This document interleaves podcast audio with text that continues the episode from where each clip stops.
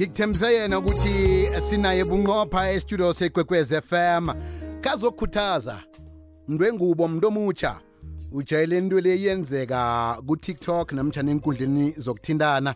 Namhlanje sisithi go deeper papa. Baba. Go deeper baba nazo-ke Eh ngubani esikhuluma naye? Eh igama lami eh, nguthemba ngakama eh, ngibuya endaweni yasembalenhle eh, sekhunda Okay. so ngaziwa ngalo leli la King T King T. eh la ku la- la ku TikTok bathi Mr Go Deeper Mm. Allo yini into ayenza ukuthi ugcine ungene ku TikTok ugcine ube umuntu okhuthaza abantu abatsha eh kahle kahle mina bengumuntu othanda ukungena kuma live ku TikTok yabo into zama live lezi Yeah. ngithanda ukujona ama live especially more especially ebusuku before ngilala ngabo 10 11 yabo Mm. so bengithi njalo mangena ku TikTok mangena ku live TikTok TikTok ivele ibhume yonke yonke i live la ngingena khona mina. i-TikTok beyiqwala ngishaba ama 1000 views be- be- be- bezivele zikhala. So eh in most eh, cases bekithi mangena kuma live ne eh bengithanda ukuthi mangikhuluma bese abantu bashaya izandla abanye baze ngikhuluma abanye- abanye- abanye baze bapanyaza inyembezi basho ukuthi ayibhudi lento zikhulumayo lezi hayi no ivara. Kanti So- ukhulumani baba ukhulumani? Nangu umlaleli ukulalela ukhulumani ku TikTok so kahle kahle mina ku TikTok eh ngasho ukuthi ngilwela abantu besifazane ngisesayidini labantu besifazane you understand? Because ngiyazi ukuthi thina as ama gents ziningi izinto esizenzayo ezibhedayo ebantwini besifazane. And akekho umuntu oyikhulumayo lento leso ngabona ngathi yazini awuthi ye man khe ngilwela abodade man ngoba ngiyabona ukuthi abodade nabantu bazikhulumela ku TikTok bayababhesha benzani benzani Yeah, kuthiwa So, mi- baya-complain. yeah so mina ezindoda mangikhuluma ngiyacaca ngoba kukhuluma indoda makhuluma indoda akekho umuntu ozoyiphikiza ngoba vele yenziwa yithi lento leyo kahle kahle. Senzani? Coca nathi. Anibheji anicommunicate nabomama. Aniphathi kahle abomama nihlonipha abomama. So mina kahle hle ngiyi-president eh ye-women's conference. Oy president ye women's conference? Not ye-men's conference ye-women's conference. Okay manje ke abantu bathi akhe sizwe ukuthi yini into le abantu abayizwako abathi bakhuthazeka ngayo nabangene lapha enkundleni zokuthindana eh mangenza nje i-example nje eh e1 yabona mawuyindoda mangabe kuthiwa eh like for an example mhlambe eh une budget yokuthenga iUno yekela ukuthi uthathe ibudget yeUno uhambe uye garage le Mercedes Benz okay mhlawumbe angizwanga ukuthi ngithina uthi ngichaze kahle. In other words ngichaza ukuthi abantu besifazane abafani. Yekela ukuthi mawuyindoda wazi kahle ukuthi wena ibudget yakho ayilingani ukuthi ungaphatha umuntu wesifazane ethizeni bese uyaforce abantu besifa- besifazane abafani i-standard azifani. Umuntu nomuntu mangahlale ku standard sakhe abantu besifazane bafuna ukuphathwa kahle bafuna ukuphathwa njengamaqanda you understand? So kahle hle mawuyindoda kumele ukuthi uzame kumele ukuthi eh, eh, ube nemali nyana in order for you ukuthi ukhona ukusustain a relationship because i relationship nowadays without imali bhutam ngeke uzulunge eh umuntu wesifazane ufuna ukuthi umvakashele makafika bena entertain kufuneka imali. U- m- m- umuntu wesifazane makafika kuwe ufuna uf- uf- uf- ufuna ima- imali kubuyele emuva imali nayo leyo ufuna ukudla i- indwele amazipho imali. So kahle uma uyindoda kumele wenze sure ukuthi uyabheja and uyazama ngayo yonke indlela. Indoda ehleli phasi ekhoneni ngeke ulwe ku relationship ndoda mangabe uyazazi ukuthi awuphandi awenzi lutho awuzami kuyophanda kucala bese khani uyozama ukushela shela otherwise ha bazokuthathela abo Mr Go Deep allo allo thina ke esinganeni esinganani njuthi ke asikawulungeli umjolo.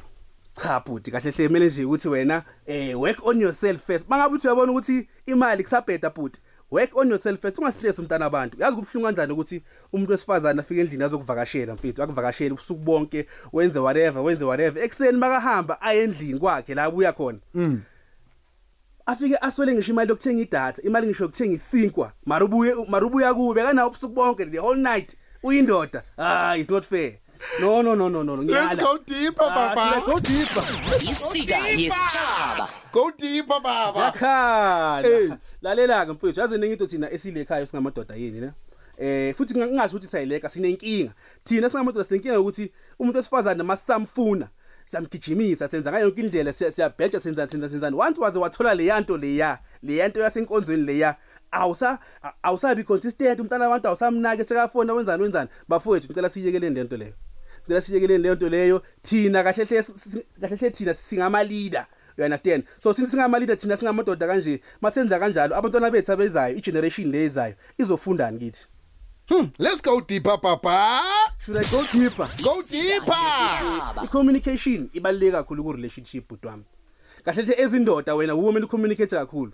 Umfazi yena kumele mhlambe ang- ang- angafaka 30% but lamanye ama-percent lawa amanye i-communication kumele ibuye kuwe wena ezindoda because wena uyinhloko yekhaya uyi-leader you understand so ngiyazi ukuthi mina amadoda my sister lapha ekhaya mangabe ukuthi umamele indoda mangabe ukuthi ayicommunicate nawe hayi ukuthi ayicommunicate nawe mhlawumbe ngoba inasikhathi kunomuntu ecommunicate naye isikhathi sakho ucommunicate nomunye umuntu? Isikhathi sakho uspenda nomunye umuntu? Ungavumi indoda ikutshela ukuthi hey mina ngibusy hey mina ama meeting hey mina in in my sister lalela indoda mangacommunicate nawe isuyicommunicate nomunye umuntu. Finish. Let's go deeper papa. Should i go deeper? Go deeper. Isika yesitshaba. lalela ngikutshele mina indaba ongayazi. Yabona eh eh eh eh la emhlabeni thina singamadoda sine sine sine singathini? Sine tendency ukuthi nowadays thanda ukwenza abantu besifazane as ama stepping stones. We understand mangithi ama stepping stones amadoda amaningi nowadays before azoshela ayabheka cala ukuthi eh umuntu wesifazane ingabe uyasebenza yini? Ingabe mhlawumbe udriver in usebenza kuphi? Uhola malini? Before azoshela makashela i- i- indoda ma- mayishela. Most yamadoda mawashela nowadays ashela ngama tendencies are wrong yabona mangathi abheka manje kunamadoda angasebenzi mara adrive imoto zabafazi. Amadoda awasebenzi mara agcoka kahle agcoka impahla ezidura ngeke ngize ngisho kama brand wazo la ngoba kuvumeleka kodwa ke mina ngazi amadoda ahlala ku ahlala kuma 10 room mara awasebenzi. Enzelwa abantu besifazane. Leyo nto leyo asiyekeleli because siyazi ukuthi amadoda enza kanjalo. Hayi ukuthi my sister ngiyakutshela lapha ekhaya indoda mayingasebenzi ingaphandi idla imali yakho ayikuthandi ithanda imali yakho. So my sister ngicela ukuthi mawuhleli phansi kho uzibuze ukuthi kahle hle mina ngifunani. Into engayisho my sister know your worth. Zazi ukuthi ufunani empilweni yakho because otherwise amadoda azokugila. Let's go deeper papa. Should i go go deeper deeper. Isika yesitshaba. okay eh enye into futhi engayisho my sister indoda mayikushela ikutshela ukuthi ishadile noma mhlambe iku relationship into question oqala mina uzibuze yona ukuthi leyo ndoda leyo mawuyiqoma wena mangabe kuthiwa mhlawumbe uyayiqoma masoyiqomile decide ukuthi ni9 ufuna ukuba ku serious relationship. Mina uzibuza ukuthi ngeke akhona ukuthi ahamba ayoshela umunye umuntu? Amtshele same thing le akutshele yona wena na. Because nina ni nina ningabantu besifazane. Ninetendency ukuthi nifuna ukukhipha nifuna ukukhipha abanye abantu besifazane kuma relationship. Ukhohle ukuthi wena mase ungene kule relationship leyo angeke baze bakhiphe yini wena na? Uspecial ngani wena? ngendlela ongene ngayo. Ngendlela ongene ngayo nawe uzophuma ngayo? Let's go deeper papa.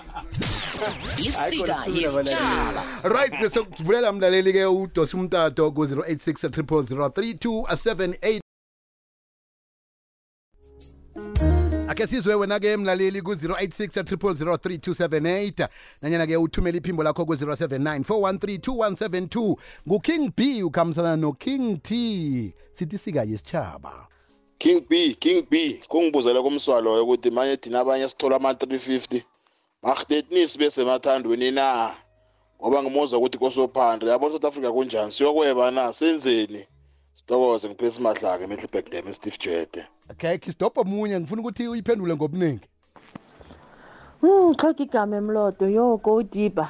Hayi bona ama-video wakho. Hayi, hayi. Navele amaningi wakhona ukhuluma nami. Awukhuluma eqadi kwami ukhuluma nami straight. Hayi yazini, hayi kwamjolo ziyabuya kwamjolo. Ah mara amanye ama-video wakho shema ayasakha akhuluma nathi ayasakha. Ayasivula amehlo ukuthi yey ephasini akubi. Kuhloka igama emlodo. lotsha beziwe ngivele makatshaba ngeverina yazi ngithule ngithe du hleze khonane napha ngikulalele nomswa loyo eh uking t eh yazi umswa loyo nginokumlalela nakubo tiktok apha heyi unamanye amagama hayi khona hayi uzosimorosela bomma uzosimorosela bomma rehe ngoba ye amagama akhe la. Hayi A- aya ofrema man thina siya straight wona athi ofrem aya ofrempa so ayi no kunomngozi nyana. Ngithokoza bantu nobungozinyana King T should i go deep go deeper papa yangazi uma ngingaphendula ubhuti leya khona ubhuti obenombuzo lapho. Ya wathi ngomba na aba- abantu abasebenzi eh ubhuti ukhulume ukuthi yena uthola i350 ya yabona ma- maziza kuma relationship eh ngayisho ngesikhuwa bathi it is the thought that counts. You understand? Umuntu wesifazane kahle kahle akudingi ukuthi uzube nemillion ukuze umphathe kahle. Uyanderstand into encane le okhona ukuthi umenzele yona. Iproblem yethu thina abantu thina a- a- abantu besilisa siyavalela nga- nga- ngakho khona lokho okuncane esinako noma ngathi uthola i350 mfethu mawuthola i350 100 rand nje noma ngathi uthenga ikota noma ngathi uzokuthenga ikodrick kona lokho okuncane abantu besifazane bayak appreciate kahle kahle you understand? So into engilwa nayo mina ileyo ukuthi wena mawuyindoda umuntu wesifazane uza kwakho uyaklinela uyakuphekela uyakuwashela ukwenzela yonke into. Kodwa lokho okuncane okutholayo wena awenzi lutho. Iproblem iyo lenyilwa nayo mina leyo. Angili nokuthi angili nokuthi abantu ababe nemali babe rich cha ngithi mina lokho okuncane onako sebenzisa kona uappreciate igolide lakho uphathe umuntu wakho wesifazane njengeqanda. Isika yesitshaba. stop umlaleli ngapha lotshani ekhaya. Akwande? Sikudobhila kwande?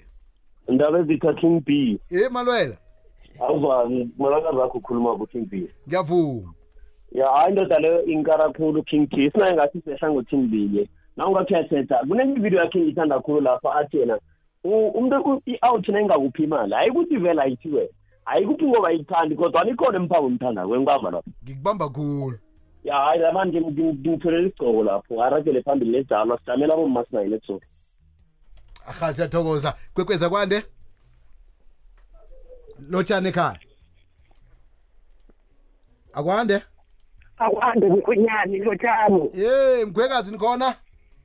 Khona mase sithuselani ulo kanti lo umkhwenyanami lo mara msabatha bethu bayokukhalwa abantu bekosi sinakhe ngesiphile ngemali mtsheni sobentu abami yabathina kangakangakangithathi angiphitheni ramda wakuhamba waye e-driving school kude kulu wayeceda unyaka woke wayifumana ithenreda leyo ngisayibophelesalifikeselimbopheletana mara nina wenzani umkhwenyani lo? Aba- abantwana bakukhalwa boke namhlanje nani nabo ayikhona umntazana akaphiwa imali umntazana akaphiwa imali. Sowuthenga icontrake leyo noburotho danimtebasebe ngekhaya phanize mari imali uyinikele umntazana uyitere nizokuthatha ngani? Yebantu danki ngiyathokoza yele yelele uyezwa kuba mahlangu bogogo la uthi umntazana umntazana akaphiwa imali. Bese umthatha ngani nangabe umphi imali? Angiyabuza uma uleli Biziki Khewulotshisa uMr Godipha lapho yazi umngane wami umlandela kangangani badlalile ngaye abafana yo yazi angifoloyo uyakhuluma ukhuluma iqiniso. Bakhona amajita ayuza abantazana anyway ubavula amehlo umuna vele nami ngiyamlandela. Yo yo into azikhulumako. Hayi kujame biziwe jama kancane. Ngimlandeli wakho omkhulu baba. Ngihlalele wena kutiktok. Godipha baba. Nangujokoleni ramafemu mama semla nge-sun city. A ulandela ngithi nabo mama siyakulandela baba. King P Karavana sahlala ngesiyavuza eh King P ngiyamuzwa um King T. Hayi ngiyabuleka ama TikTok live yakhe ukuthi u- usifundisa ukuthi na umuntu kumele usithande na umuntu umutsha kose luvula amehlo begodi uziqale. Ya ngiyamthala ama-motivation akhe ayasithinda siyathokoza. Ngiyathokoza. jabujab karabo wasidobha bathathu siyivale emtatweni. Akwande. Ekhaya? Mm ngiyavuma. Angisola khathi indawo siloga kwadlawulana ngiyavuma wakwethu. No-king t lapho hhayi ingwenya-ke leyo. Danke bodi eh king t ragane ejalo msekhethu. Khuluma nayo nje amarejipi amaningi aya aya ayakhula. And siyathi siyabahlogomela abantu bengubo kanti ngoba um ngisho bucala leli le naleli le naleli mara ke nje fana umduna usisa phezulu kwendlela la isuka khona siyalapho wona bhuti. Ragane njalo.